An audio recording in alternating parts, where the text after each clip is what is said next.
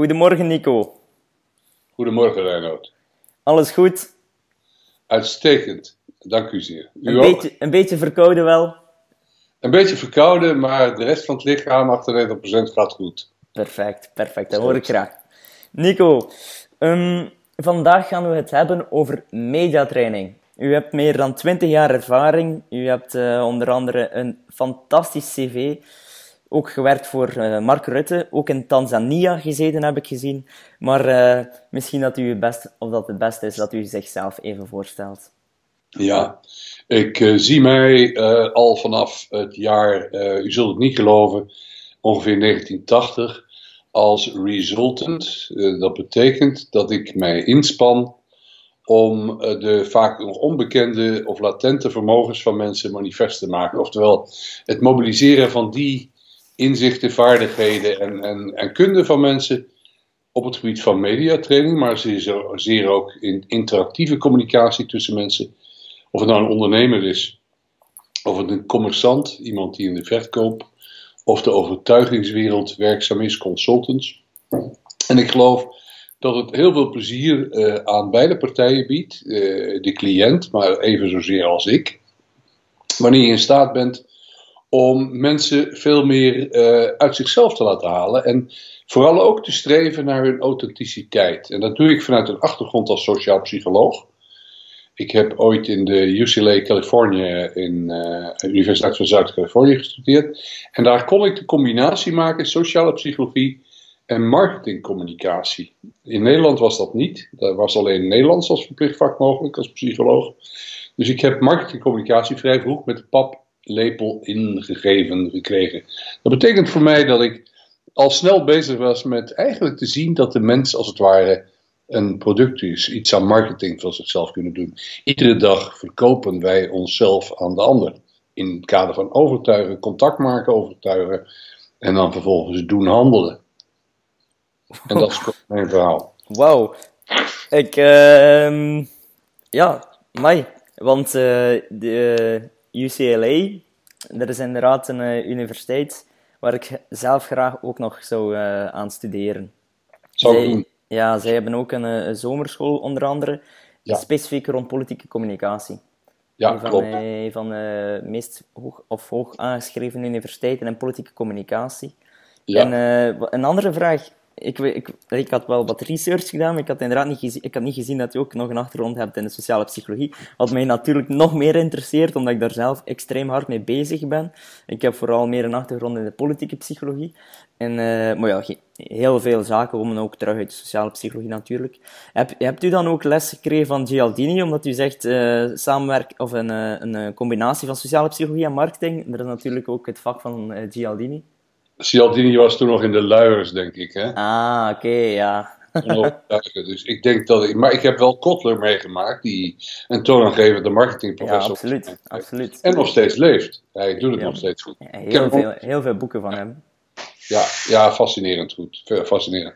Okay. Dus Cialdini is heel boeiend, omdat we natuurlijk heel vaak uh, uh, overtuigen willen, maar te weinig stilstaan bij de factoren die leiden tot goede overtuiging. Mm -hmm.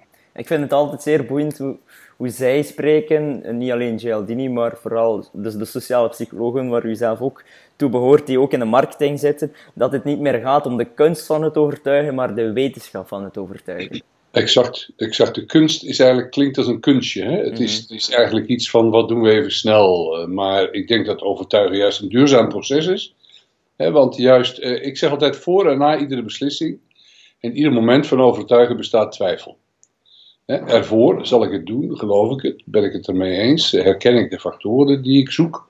En daarna ook nog, heb ik nu juist besloten. Hè? Dat is wat je ziet vaak eh, wanneer de pastoor zegt, eh, wat is hier op uw antwoord? En jij moet zeggen, ja, ik wil. Hè? Maar ook wanneer mensen in het stemhokje eh, een beslissing hebben genomen, dan vragen ze zich nog even het moment af vaak, ja, heb ik het nou wel goed gedaan? Mm -hmm. En dat boeiend van voor en na ieder moment van overtuigen en beslissen dat mensen dus die twijfel hebben.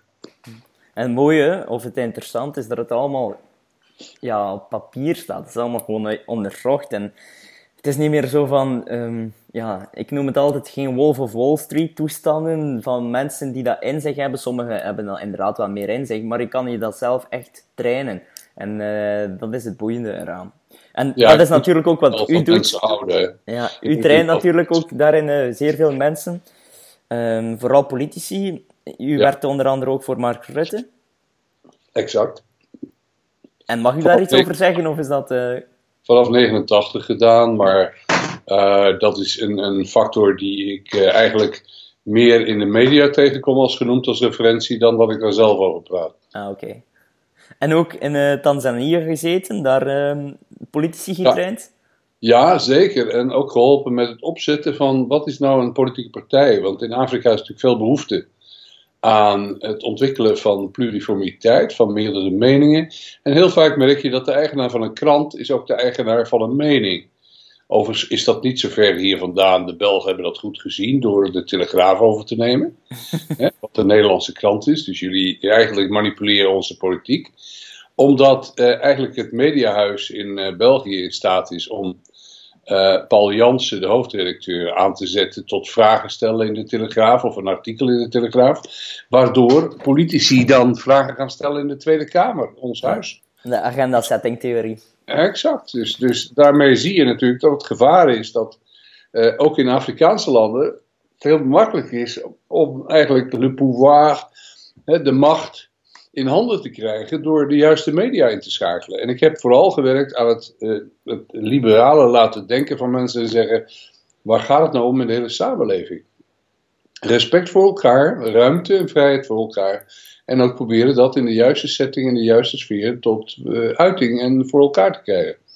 En ik denk dat mensen dus op een gegeven moment dus heel vaak de eigenschap hebben om, omdat het de eerste techniek is die mensen hebben, vooraf te vertellen hoe slecht en lelijk die ander is. Overigens gebeurt dat nog steeds in Oostbloklanden, in Zuid-Amerikaanse landen, dat in, uh, Amerika uh, of in campagnes je heel vaak meemaakt dat mensen vertellen hoe slecht die andere kandidaat wel niet is. En dat is natuurlijk een van de zwakste technieken om mensen te overtuigen.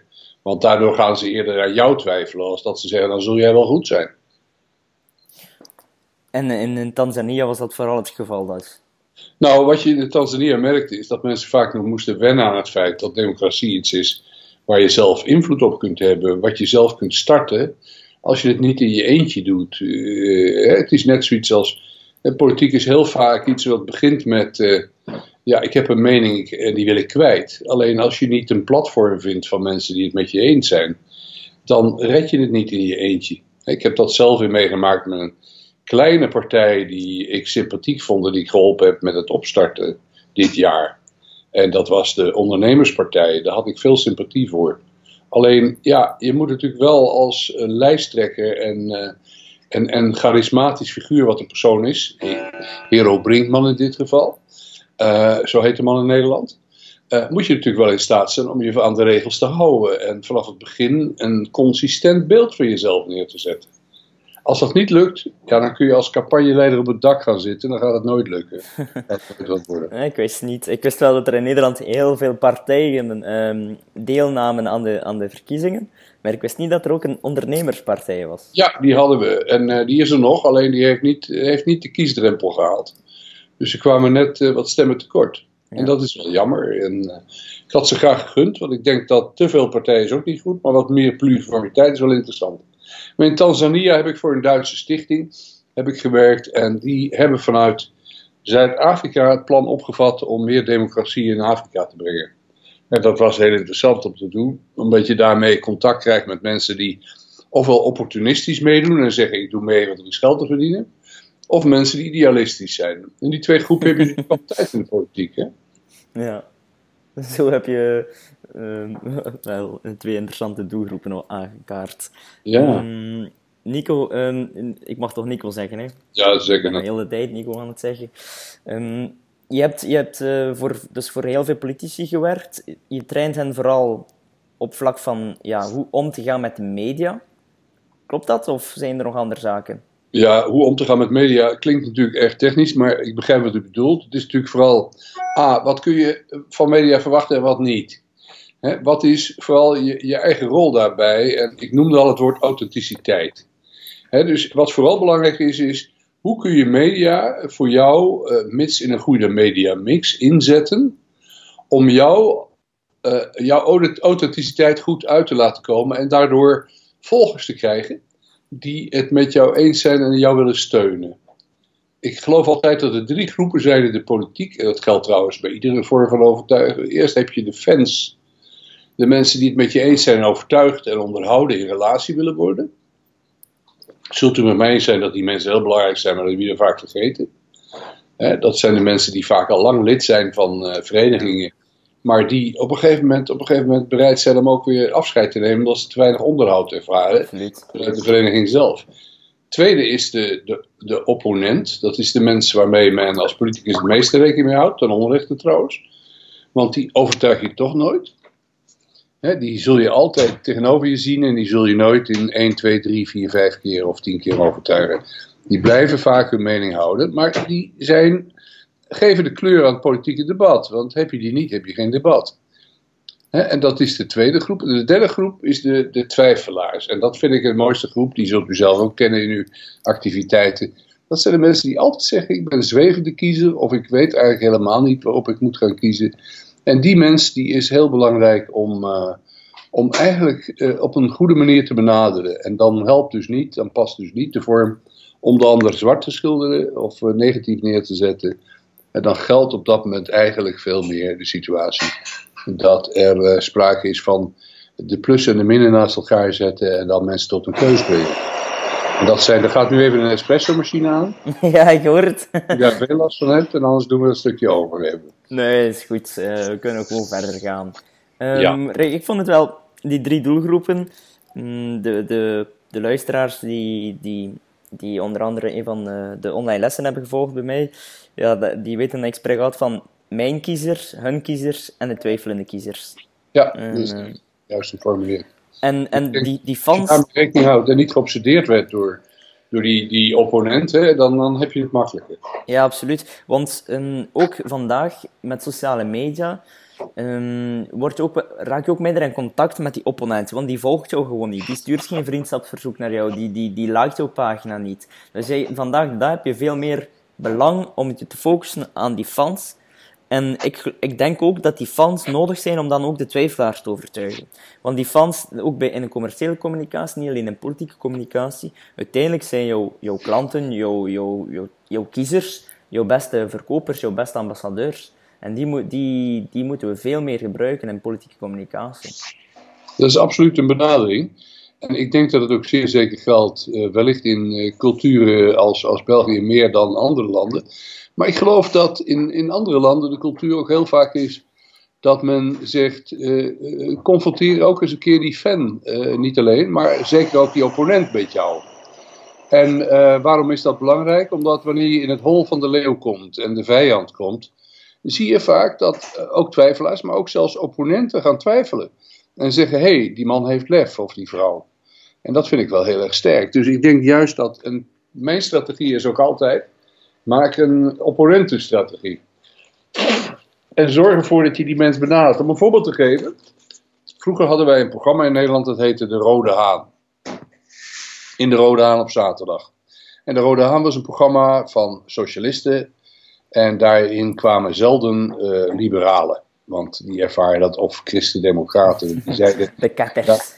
Ja, daar ga ik dus mijn gezicht niet tonen, zeiden ze, want dan word je afgemaakt. En toch is een aantal politici heeft ooit het lef gehad om te zeggen: ik, ik ga daar naartoe. En dan zie je dus al dat je je tegenstander neutraliseert of paralyseert. Dat ze zeggen: hé, hey, jij moet wel iets heel sterks hebben als je dit durft. Dus die, die spreekwoordelijke sterkte van die opponenten onder elkaar, van wat zijn wij goed met elkaar, wordt geneutraliseerd op het moment dat er sprake is van: hé, hey, je komt ons opzoeken.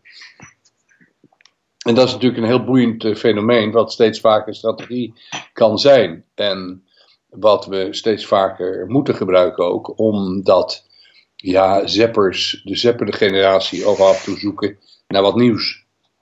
En dat is natuurlijk een heel belangrijk fenomeen. Dat we zien dat, uh, dat, dat mensen behoefte hebben aan wat afwisseling, wat rimpeling in het water. En dan is natuurlijk het voortkabbelen gezapig niet wat men zoekt.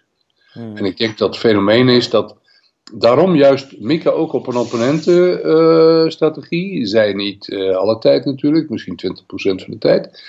Hè, dat dat uh, heel lonend zal zijn. Ik heb daar instrumenten voor en modellen voor die heel goed in werken. En okay. ik zie steeds meer mensen daarvan reluctant. Nou, moeten we dat wel doen? Steeds meer aarzelend, afwachtend en nieuwsgierig worden. En zeggen, welk voordeel zou dat dan kunnen betekenen voor mij? En dat is interessant. En kan, je kan je iets zeggen over de voordelen die het oplevert? betekent dat je dus inderdaad sterker in je persoonlijkheidsovertuigende uh, factoren overkomt. Dat mensen zeggen, je bent meer geprofileerd. Je bent iemand die een hero wordt. In, in de ogen. Je bent niet een, iemand die schuil zoekt bij fans. Of misschien twijfelaars, maar iemand die de confrontatie zoekt. En dat is natuurlijk heel erg goed. En dat heeft ook een, een beetje Che Guevara-effect. Ik bedoel, mensen zoeken vaak natuurlijk ook naar helden, naar, naar uh, guerrilla-strijders, maar ook mensen die, die in de mata, in de bossen bezig zijn. Maar mensen zoeken ook natuurlijk iemand die uh, een, een dictator of iemand weerstaat. Dat zien we nu ook in Turkije, waar een opponent zich steeds verder, gaat profileren. En de enige hoop is voor mensen. En nou is dit heel zwart-wit.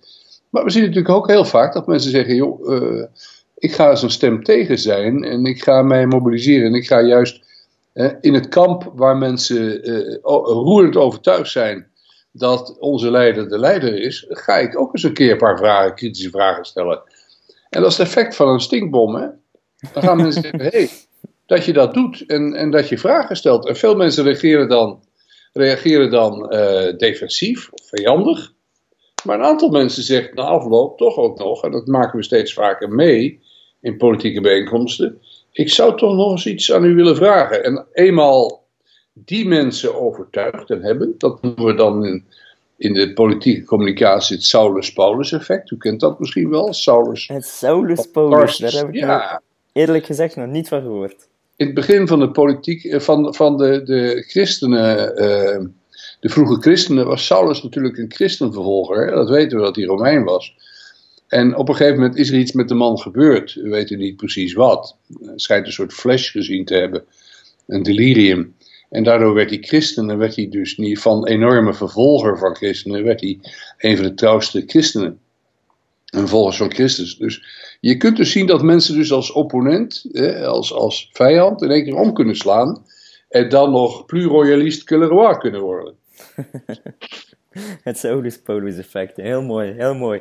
Um, Nico, um, ja, je hebt het over confrontatie. Zorg ervoor dat je als politicus of politica een soort van heldenimago krijgt. Uh, mooi voorbeeld, denk ik dan, was nu recent bij de Nederlandse verkiezingen met Mark Rutte en de, het issue rond de Turkije uh, propaganda, laten we maar zeggen. Dat hij zegt in de confrontatie is gegaan en gezegd heeft van kijk, nee, nee, nee, dat komt hier niet en voet bij stuk gehouden en dan ook wel een soort van heldenimago creëert, of zie ik dat verkeerd? Ja, heldenimago is wat zwaar uitgedrukt, maar ik denk dat hij zich nou eens een keer... Kijk, eh, Rutte is natuurlijk een heel empathisch politicus die zich heel snel aanpast, heel slim inleeft. En het vermogen ook heeft om snel de positieve punten uit de boodschap van die ander te pakken en die dan vervolgens om te draaien. Daar zijn hele mooie technieken voor die ik train. En het mooie is dat uh, daarnaast heeft hij natuurlijk daardoor ook een beetje een soort Teflon imago opgebouwd. Hè? U kent die pan wel, niets mm aan, alles bar valt eruit. Dus dat kan ook tegen hem gaan werken en het is ook tegen hem gaan werken in zekere zin, omdat mensen hem qua geloofwaardigheid niet meer zo hoog achten wat is dan het mooie? Dat je af en toe een moment kiest en zegt: uh, No passeran. Hè? We laten ze niet door. We, we, we, stoppen ze. En dan zie je dus dat er sentimenten vrijkomen van mensen.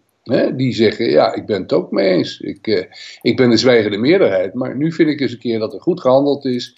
Want ik ben het al langer zat. Alleen ik zal niet snel mijn stem verheffen. Dat is vaak die stille meerderheid die zich vaak. Uh, uh, weinig roert, die, waar je weinig van hoort. Dus het boeiende is dat hij daarmee waarschijnlijk ook een hoger aantal kiezers heeft getrokken. Omdat ze hem eigenlijk wat minder kleurloos vonden en wat meer in stijl vonden. Want ja, mensen willen na een zekere tijd toch weer een vuist op tafel slaan, zien. -hmm. En ja, je bent een echte expert als het gaat over mediatraining. En in het korte voorgesprek zei je ook dat we te direct in de defensieve houding willen gaan als we communiceren met mensen, zeker in debatten ook. En ik hoorde, of je zei daarnet al iets heel interessant, vond ik. Toen ik even iets voorstel, ik ben al even vergeten wat juist was, antwoordde u, dat is zeker een benadering, en dan ging je naar jouw benadering. Terwijl eigenlijk zouden we ook kunnen zeggen van, ja, ik zie het eigenlijk anders. Nee, jij zegt, dat is zeker inderdaad de benadering. En dan zeg je je eigen voorstel om eigenlijk te zeggen van, ik zie het een, ik zie het een beetje anders. En uh, dat vond ik wel een hele mooi, want dat is niet direct een defensieve houding. Je zoekt common ground, zoals we zo kunnen zeggen. Je zoekt gemeenschappelijke punten en dan ga je verder met jouw verhaal. Ja, ik denk dat u kent waarschijnlijk de formule nog wel, E is K maal A. Kent u die? Nee, die ken ik niet. EE is KMLA staat voor uh, het effect van alle communicatie die je beoogt, wordt bepaald door de kwaliteit maal acceptatie. Is die K of die A 0%, dan is de, het effect is ook 0%. Dus je zult niet alleen naar de kwaliteit van je boodschap, de inhoud moeten werken, wat veel mensen doen. Hè, waarbij ze overtuigen en nog eens aanvullend gaan overtuigen, of, nog een keer adstruerend overtuigen, nog een keer vertellen zoals ik nu bezig ben, om nog een keer te vertellen wat ze nou gezegd hebben en nog een keer uitleggen waarom ze het gezegd hebben. Maar dan, dan ben je de mensen kwijt. Maar wat je ziet is dat het belangrijk is dat je dus een erkenning geeft aan wat mensen zeggen, dat je naast ze gaat staan. En dat je dus uh, daarnaast uh, gaat zeggen, uh, dat is absoluut een zienswijze. Hè? En niet dan met een ja maar of een maar begint. Want dan denken mensen dat betekent nee want. Hè? Maar dat je eh, daarnaast dan zegt, eh, welke mogelijkheden zijn er nog meer? Of van wat zou kunnen leiden tot een risico voor die zienswijze? En dat je dus vaker gebruik maakt, hè, om even in de techniek te hanteren die u zelf waarschijnlijk wel kent, de retorische vraag, waarop je zelf het antwoord geeft. Mhm. Of de transformatievraag. En de transformatievraag die komt eigenlijk van een... Uh, een van mijn goeroes die uh, in uh, België woont, in Oelegem. Dat is Jan L. Wagen, Jan Laurens Wagen. En dat is een uh, verkooppsycholoog en een industrieel psycholoog. hij is nu 96, hij leeft nog steeds. Maar hij is de man geweest die een aantal technieken heel bruikbaar en praktisch op een rij zette, die veel politici op dit moment toch gebruiken. En ik zelf ook in mijn trainingen. Ja, wat is zijn naam opnieuw? Jan Laurens? Laurens Wagen. W-A-T-E, ja. Heeft hij boeken geschreven? Hij heeft zeker boeken geschreven. Oké, okay, dat kunnen we straks even nog en verkooppsychologie en okay. uh, opleiding. En hij heeft in alle talen ongeveer heeft hij alle boeken wel geschreven. Convaincre pour vendre is een van zijn grote titels in Frankrijk mm. geweest. En, en kan je nog even de formule? Dus E is gelijk aan... E is kamal A. Dus kamal A, ja. De kwaliteit of de acceptatie nul is het effect ook nul. Oké. Ja, nee, voor mij een hele nieuwe formule. Mijn specialiteit ligt meer in de, de politieke psychologie en de online media. Dus uh, het is een zeer boeiend gesprek voor mij. Ik ga een extra blaadje moeten nemen, want mijn notitieboekje ja. staat vol. Maar, maar eigenlijk is de basis voor alle succes is dus ESKML-A. Oké. Okay. Uh, en belangrijk is dan ook nog een keer, om een verdieping te geven aan het verhaal, uh, is bijvoorbeeld ook om, ik zal even mijn camera aanzetten, dat is bijvoorbeeld dat we in de politiek steeds meer bezig zijn. Ik weet niet of u daar al mee bezig bent. Met de vier stijlen mhm. in de psychologie. Ik laat u nu een paar kaartjes zien. Het is een podcast, de mensen kunnen het zelf niet zien. Maar ik kan wel zeggen wat ik zie. Ik zie vier kleuren: eh, oranje, rood, groen en blauw. Precies. We praten over de futurist. We praten over de optimist. Dat zijn de mensgerichte mensen die je met warme taal overtuigt. Mhm. En we praten over de realist. En we praten over de perfectionist. En die vier groepen verdienen elk een woordkeus. Eigenlijk is het een beetje NLP-achtige elementen die je gebruikt. NLP kent u waarschijnlijk wel, Neurolinguistic Programming. En is het dus belangrijk dat we kijken naar wie is nou je doelgroep? Dus we hebben gesproken al over, hè, om het eenvoudig en ingewikkeld te maken, de fans de fans, zoals u zegt, de, de twijfelaars en, de, uh, en de, de opponenten. Daarnaast heb je ook nog, als je praat over twijfelaars en over fans, uh, want die twee zijn het belangrijkste zoals we al bespraken, de vier stijlen, de futurist, de optimist, de realist en de perfectionist. En wanneer je als politicus in staat bent om je doelgroep te onderkennen en ook te horen, hé, hey, wat is het type aard van reactie van de ander? Tegenwerping, eh, opponent roept of zegt iets, dan kun je daar vaak uit horen wat voor kleur deze mensen van de vier hebben. Als je dan een antwoord geeft die kleurgericht is, op die kleur van die ander, dan doen we het goed. Heel vaak eh, hanteren we onze eigen politieke kleur. Dus als ik een futurist ben, een rode ben, eh, u heeft diverse politici in, uh, in België die rood zijn. Hè. Uw huidige premier is bijvoorbeeld erg sterk rood en blauw. En uh, er is een liberaal die op dit moment in het Europees parlement zit met een spleetje tussen zijn tanden, die ook heel rood is als je alleen maar rood praat, dan heb je de blauwe en de groene en de gele niet meer. Oké. Dus belangrijk is dat je moet leren om in vier dimensies te communiceren.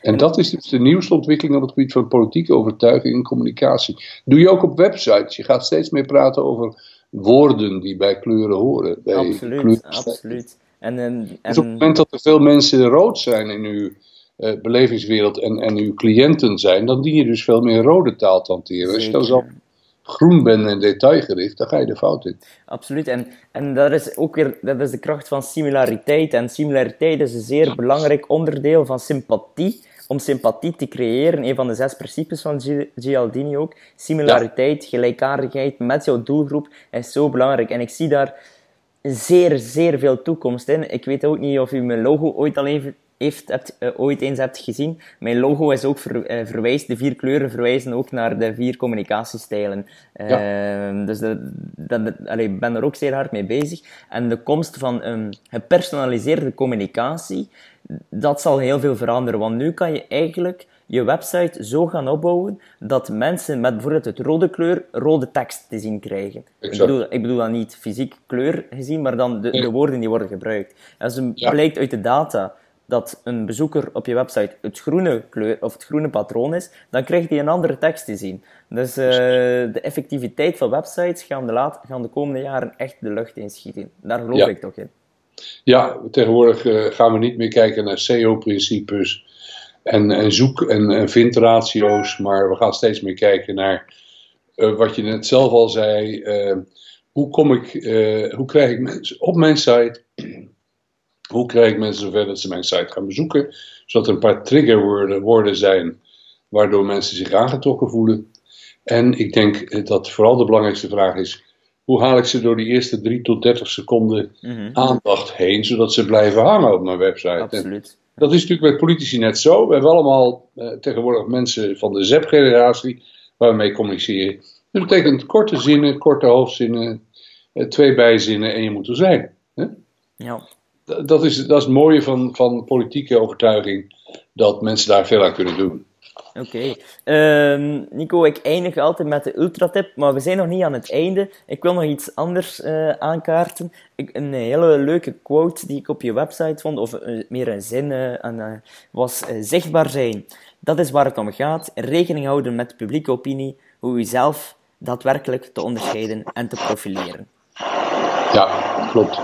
Klopt. Ik denk dat dat belangrijk is. Zichtbaar zijn is natuurlijk in deze tijd van zoveel aanbod, massa aanbod uh, door media, multimedia al heel moeilijk. Uh, maar aan de andere kant heel makkelijk.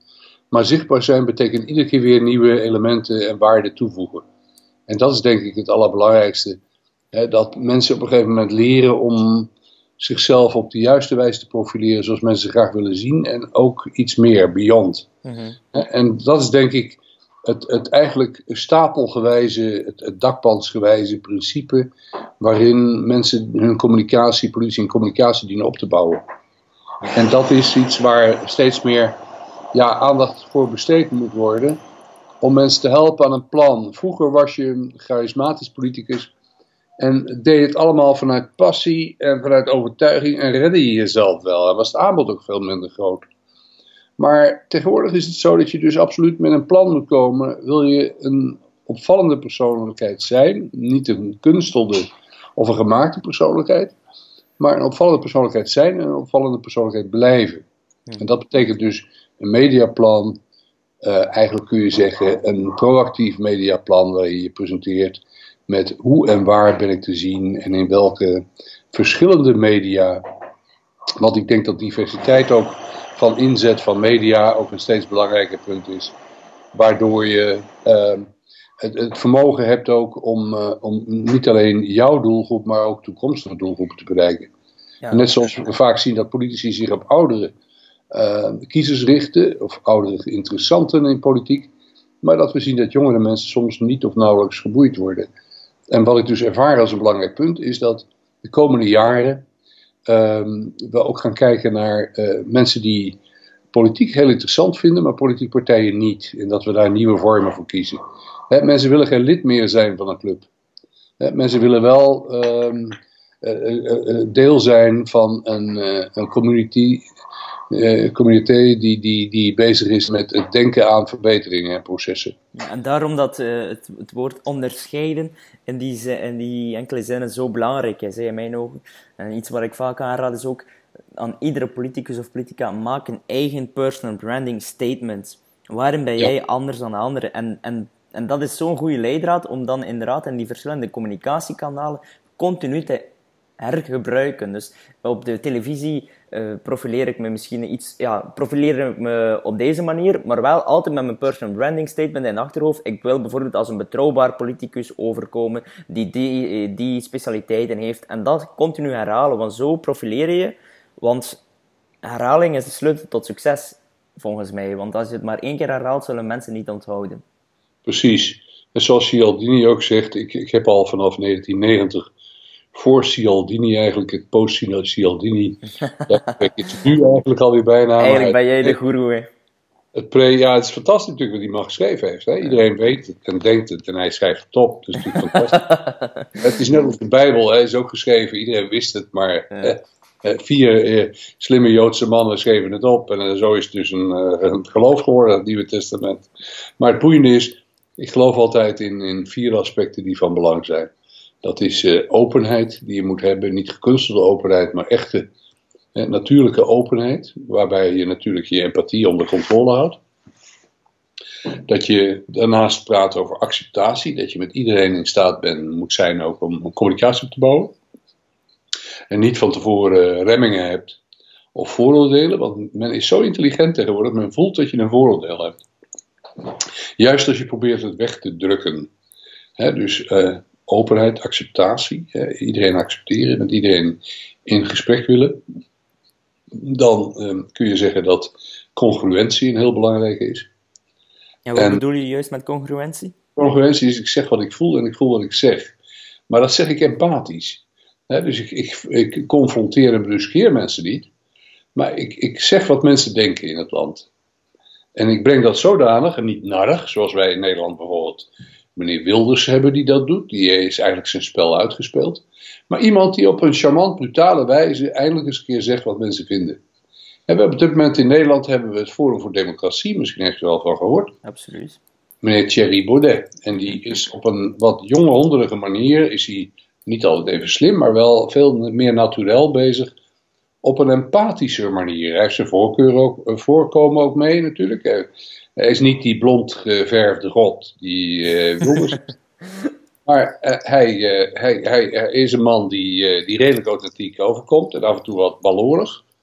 wat, wat ondeugend. Maar de man is wel degene die op dit moment sterk het stokje overneemt van Geert Wilders. En steeds meer een groeiende aanhang krijgt. Dus dat is heel erg leuk. Maar wat belangrijk is dus, dus, dus openheid, acceptatie. Dan dus Congruentie. Congruentie, je zegt wat je vindt, maar je brengt het zodanig dat je niet mensen schoffeert. Je kunt niet in, in de wereld zeggen, ik ben tegen de islam. Dat is onzin. Dat is een onzinargument. Je kunt niet tegen een godsdienst zijn. Ja, dat mag je privé misschien wel beleiden. Maar je kunt niet zeggen, mijn politieke standpunt is dat we de islam de wereld uit moeten hebben. Dat is natuurlijk, dat is vechten tegen windmolens. En het is ook iets waar mensen zich niet in kunnen vinden, want het is te hoog gegrepen. Het is onmogelijk. Het, hetzelfde als je object zegt, ik ben tegen islamisten. Dan zeg ik, ja, welke dan? Je hebt verschillende soorten als salafieten en, en noem maar op. Dus dat is allemaal zo, zo, zo onzin, zo ongrijpbaar. Maar je kunt wel zeggen, ik ben tegen de uitwassen die bepaalde geloven met zich meebrengen. Zowel in het christendom als wel in de islam. En waarom ben ik daar tegen? En wat kunnen we eraan doen? Want dat hoor je ook nooit van meneer Wilders. En wat stel ik dan ook voor dat we moeten doen? Want hij vertelt wel waar hij tegen is, maar geeft nooit een oplossing. Nou, een politicus die dat niet doet, geen oplossingen biedt, is een politicus die mooi weer politicus is en die niet lang de aanhang houdt die hij heeft. En dan krijg je dus proteststemmers uh, die op een gegeven moment afhaken uit teleurstelling omdat er niet veel gebeurt. En dat is wat we nu in Nederland vooral zien.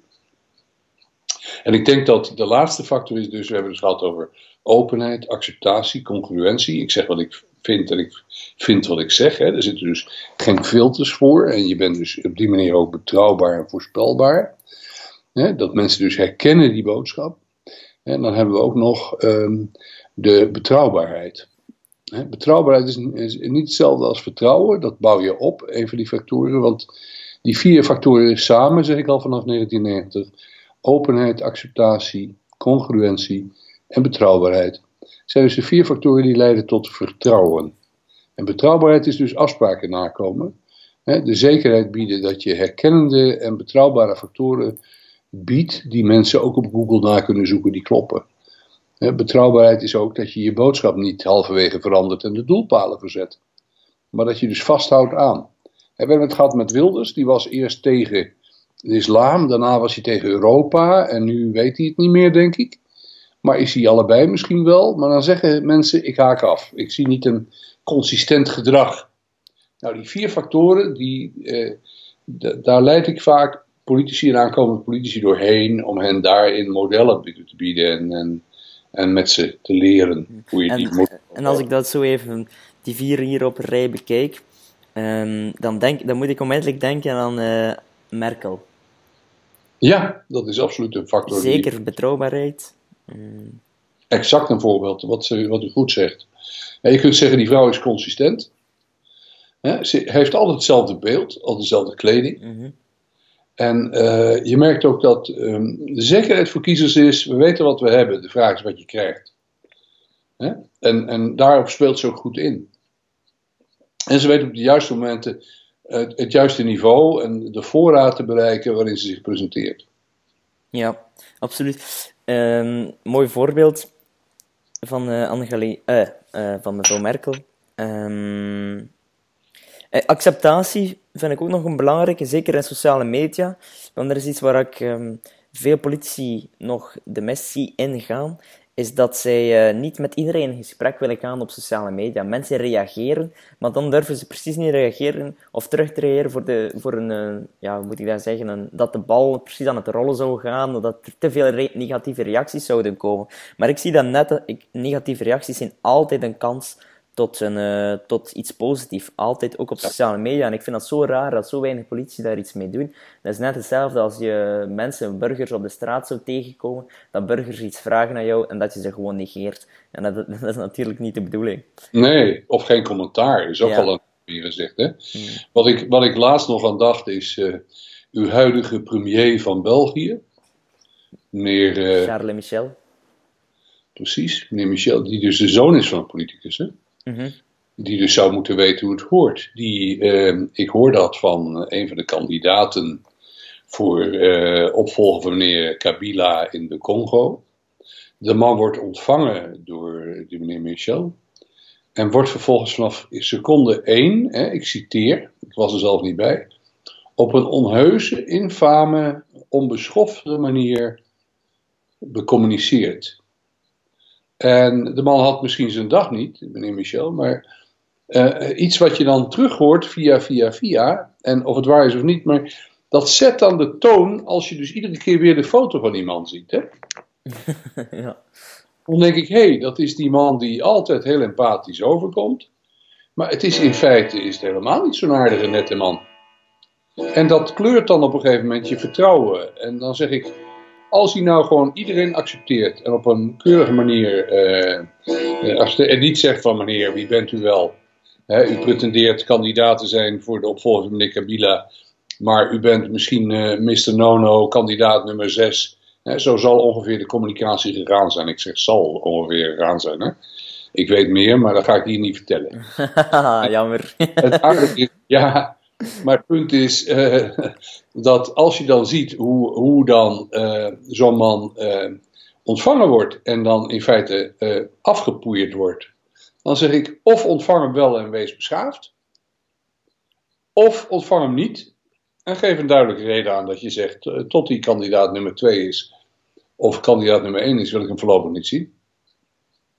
En laat hij zich verstaan met die of die politicus. Maar iemand ontvangen en dan vervolgens hem van onderuit de zak te geven, zoals we hier zeggen. dat is natuurlijk niet de manier. En dat is vaak de kleur van rood en blauw. Hè, dat mensen op een gegeven moment dan, hè, net zoals ze eens per maand dan met de vuist op tafel slaan in, uh, in de coalitie. En zeggen, en ik eis en ik vind en ik, uh, er moet wat veranderen, maar ze vertellen niet wat. Rood is, is dan ook meer het assertieve patroon? Ja, dat is, het is eigenlijk het stukje alfamannetje, wat je ziet ja. Uh, in, in Trump. Hè, wat je ziet van, ja, dat is een, ook een voorspelbaar gedrag van mensen, maar eh, de kiezer wordt er niet blij van en ze, het geeft niet meer vertrouwen in de kandidaat mhm. of in de president zelf. Hè, we zien natuurlijk een enorm fenomeen op dit moment. Hè, wat ik helemaal vermakelijk vind, is dat er weer nieuwe persvoorlichter, de man die de contacten doet, op een onbeschofte en incorrecte, impertinente manier uh, mensen toespreekt met een taal waarvan ik zeg, dat is niet de taal die je in feite met respect en beleefdheid uh, door een camera heen jast. Nee, ik denk ook dat dat het, uh, op dit moment het grootste nadeel is. Uh, ja, goed, nadeel dat klinkt niet subjectief, dat is niet subjectief bedoeld, maar het grootste nadeel in, in de campagne van Trump of in het team van Trump, dat er te veel alfamannetjes rondlopen. Ik heb er ook al wat artikels over gelezen dat het echt heel erg aan het worden is. Het vertrouwen van de gemiddelde kiezer in, uh, in, in Amerika zal niet toenemen. Nee. voor, voor in de politiek algemeen. Dat is jammer. Want politiek is natuurlijk een mooi fenomeen. Het is de soap, de dagelijkse soap waar iedereen zich graag aan laaft. Hè, men wil er soms niet, als wat ik al eerder zei, lid van zijn van een politieke partij, maar iedereen is wel geïnteresseerd in politiek. Ja, want het heeft met hun leven te maken, hè, ook. Ja, ik, ik vind altijd, het is hetzelfde als Samson en Gert. Hè. iedereen heeft er wel iets over te vinden, of meent er wel iets over. Hè. Mooie, mooie vergelijking. Nico, ik denk dat we gaan afronden, want ik zou uren verder kunnen spreken. Ik vind het enorm, enorm boeiend. Ik eindig het uh, gesprek altijd met een ultratip van de expert voor, uh, voor de politicus of voor de politica die luistert. Heb jij nog één uh, ultratip voor de luisteraar? Ja, dat is, dat is eigenlijk in uw lijn dat ik het zeg. Dat is als je nou iemand vraagt om een ultratip, vraag van tevoren even altijd of mensen een ultratip hebben. Oftewel, bereid je voor. Er is niks zo erg als improvisatie van het improvisatie. Dat is mijn tip. Dus ook wanneer je denkt, ik kan het goed aan en ik ben geweldig uh, goed gebekt en ik heb mijn licentiaat in de rechten en daar heb ik leren debatteren. Of je zegt, ik ben goed gebekt politicus, ik heb ervaring genoeg. Zorg ervoor dat je altijd als een professional, eh, als Reinhard van Zandwijk, uh, laat, laat begeleiden of kies eventueel voor mij. Hè, als hij bezet is. Want het belangrijkste is dat je, dat je professioneel wordt en professioneel blijft door je permanent te blijven laten coachen. En niet zeggen, ik heb nu even een campagne, ik moet nu even wat doen. Eh, ik vraag nu even een externe expert. Dus ik denk dat improvisatie vanuit improvisatie niet lukt, maar improvisatie vanuit de permanente voorbereiding is de basis en de continuïteit van je succes. Zeer mooi. Zeer, zeer mooi. Alsjeblieft. Uh, Nico, hoe kunnen mensen u contacteren? Want ik denk, ik heb alvast zeer veel opgeschreven, maar ik denk dat luisteraars dat ook zullen doen. En als ze wat meer info, informatie willen, hoe kunnen ze u contacteren? Ze kunnen informatie over mij en over mijn drie analyses, want daar hebben we het heel kort er nog niet eens over gehad.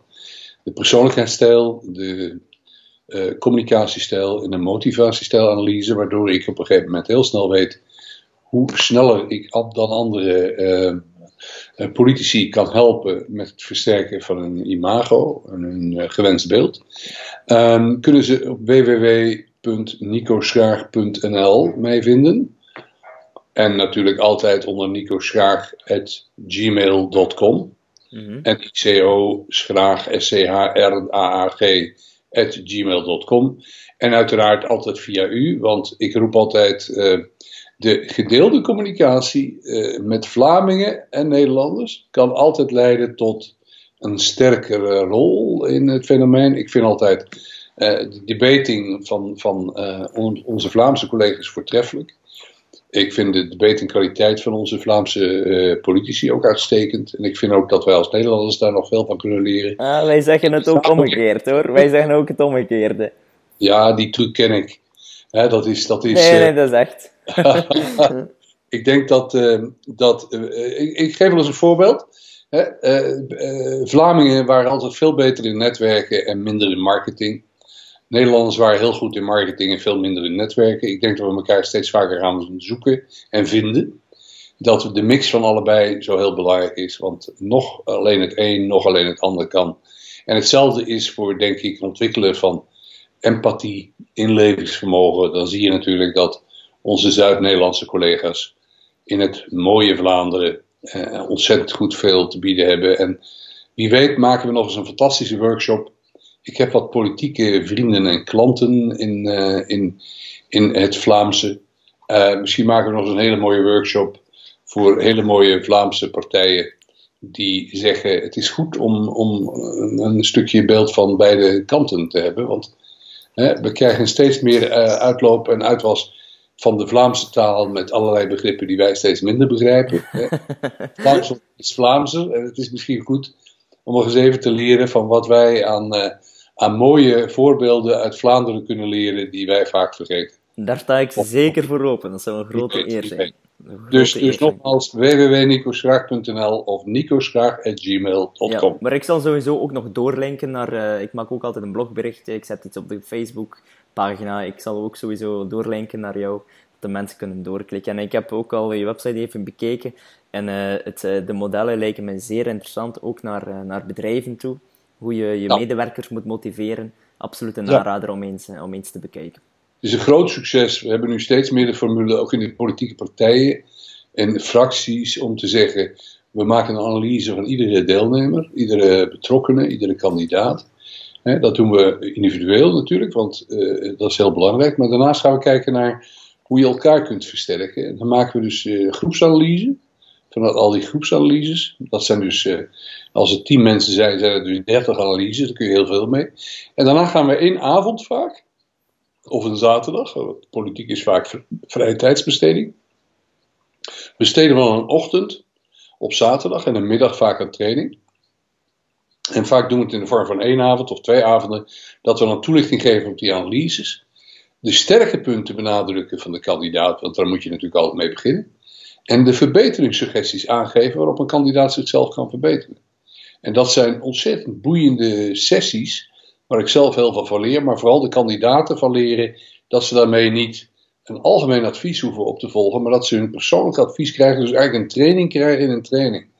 En dat wil ik best samen met u verder onderzoeken, hoe we dat verder kunnen ontwikkelen.